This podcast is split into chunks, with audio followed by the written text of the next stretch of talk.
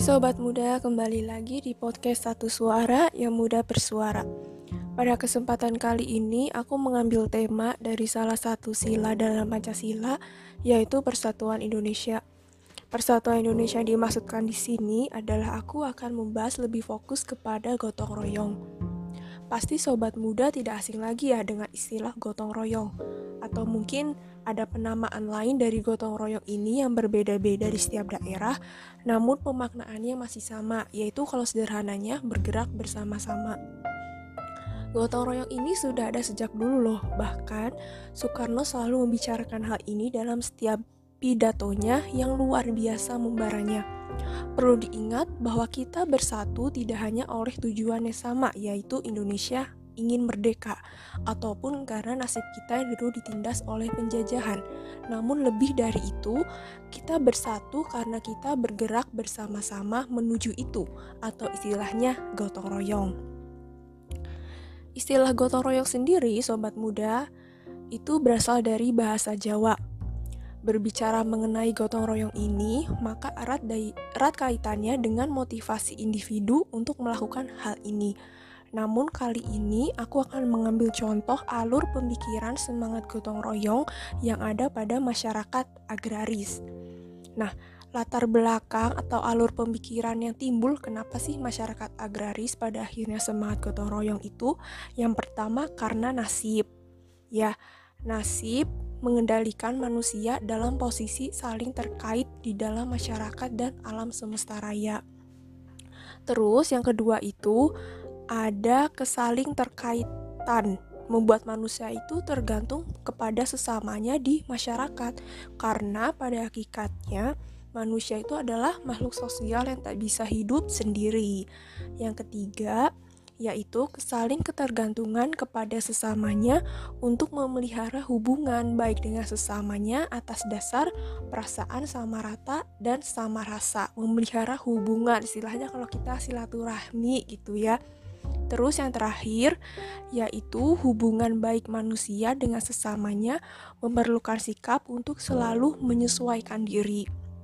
Jadi nih ya, kalau misalnya sobat muda pendatang ke perumahan gitu ya kalau misalnya di perumahan itu lagi ngadain gotong royong masa sobat muda mau diem aja di rumah kan enggak nah jadi kita di sini sama-sama ingin memelihara dan menyesuaikan diri gitu untuk berbuat bersama-sama jadi ketika kita berbicara mengenai gotong royong itu seperti tadi udah aku bilang adalah kaitannya dengan motivasi individu itu melakukannya. Ada individu yang melakukan hal itu dengan mengharapkan kembali sesuatu. Ada yang melakukannya sebagai cara tadi, adaptasi dengan lingkungannya, serta ada yang ikhlas melakukannya. Nah, kalau misal kita berbicara mengenai orang yang ikhlas melakukannya, itu bisa disebut dermawan atau istilahnya kan kalau dermawan dia ikhlas melakukan sesuatu tanpa mengharapkan dia dapat feedback gitu ya. Nah, ini ada dilansir dari liputan 6 pada Curtis Aid Curtis Aid Foundation. Jadi Indonesia itu menepati posisi puncak dengan skor 59% pada tahun 2018. Nah, saat Indonesia di puncak, itu posisi Myanmar turun. Ya, ini turun. Jadi ini dipublikasikan pada Oktober 2018 di mana Indonesia membantu orang lain sebesar 46 berdonasi materi 78%, dan melakukan kegiatan sukarelawan 53%. Jadi secara global itu yang mendominasi adalah individu usia kurang dari 50 tahun dalam kegiatan sosial. Skon Myanmar ya, skon mi skor Myanmar ini menurun sejak tahun 2017. Jadi pada tahun 2017 Indonesia berada di posisi kedua. Jadi kalau misalnya yang tadi aku sebutkan Charities Aid Foundation itu jadi semacam yayasan amal sedunia gitu ya. Jadi Myanmar itu mendapatkan peringkat ke-9 padahal sebelumnya selalu posisi teratas ya sejak 2014. Nah, sekarang kita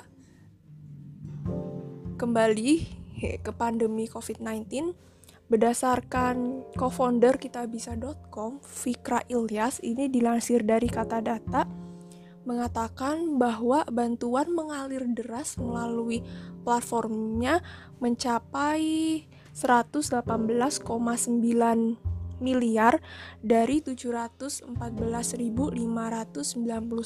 donatur. Semangat gotong royong masyarakat Indonesia di tengah pandemi ini begitu luar biasa ya sobat muda. Jadi banyak warga di da di daerah, bahkan komunitas ataupun lembaga yang membantu masyarakat secara fisik dan non-fisik, baik yang terpapar COVID-19 maupun yang terdampak secara sosial ekonomi.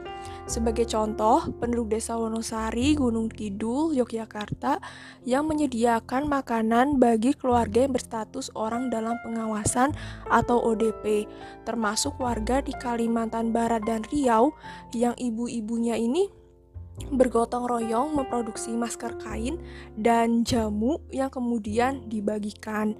Nah, tidak kalah kerennya ya ada di Bandung yaitu komunitas FIM KC atau istilahnya Forum Indonesia Muda Regional Bandung yang mengajak masyarakat bagi siapa pun yang bisa menjahit ataupun berdonasi kain untuk pada akhirnya dari kain itu dibuatkan masker kain. Masker kain ini nantinya dibagikan kepada yang membutuhkan. Jadi ketika aku melihat pamflet ini ya sobat muda, wah keren banget nih semangat pemuda-pemuda mencari kain bekas ya yang tentunya masih bersih terus dijahit pakai mesin jahit dan tangan Nah, nanti masker kain ini dibagikan ke sekitaran gerlong atau kepada orang yang membutuhkan. Selanjutnya, ada kolaborasi antara komunitas ataupun lembaga yang ada di Bandung dengan istilah Kobagi. Kobagi itu kolaborasi Bandung berbagi. Nah, ini diinisiasi oleh Metamorfosa Indonesia Bandung dan SASI atau Sarasehana Sastra Indonesia. Nah, ini tuh didukung oleh banyak komunitas di Bandung yang bergerak di berbagai bidang. Ini jadi mereka itu bikin pamflet untuk donasi. Tapi donasinya itu nggak pakai kita bisa, namun bisa mencapai sekitar 10 juta rupiah bahkan lebih. Nah, kemudian donasi ini dibagikan ke beberapa daerah di Bandung. Jadi ada dalam bentuknya takjil, sembako, masker dan sebagainya. Nah, pembagian ini tuh ke daerah-daerah yang rawan banjir ya di Bandung. Terus ada yang ke yayasan panti asuhan kayak buka bersama, bagi masker ke anak jalanan, pengamen ataupun masyarakat yang membutuhkan. Jadi, tadi itu adalah contoh betapa kerennya pemuda-pemuda kita, masyarakat kita untuk gotong royong mengatasi pandemi COVID-19 ini. Karena kalaupun kita di dalam rumah, itu udah termasuk kita berkontribusi untuk masa depan Indonesia. Karena kan se-Indonesia ini lagi berduka cita dengan adanya virus ini gitu kan. Nah, ini bukan hanya gimana sih pemerintah mengatasi ini tapi kita bisa apa untuk setidaknya membantu pemerintah karena kan Indonesia itu beragam ya beragam daerahnya masyarakatnya nah jadi di sini tuh lebih baik kalau kita bersama-sama gotong royong seperti semangat Soekarno dulu ya bahwa gotong royong ini membuat kultur Indonesia yang justru berbeda dengan masyarakat barat yang justru individualis. Nah, mungkin untuk episode ini sampai di sini. Kembali lagi di episode selanjutnya. Satu suara yang mudah bersuara.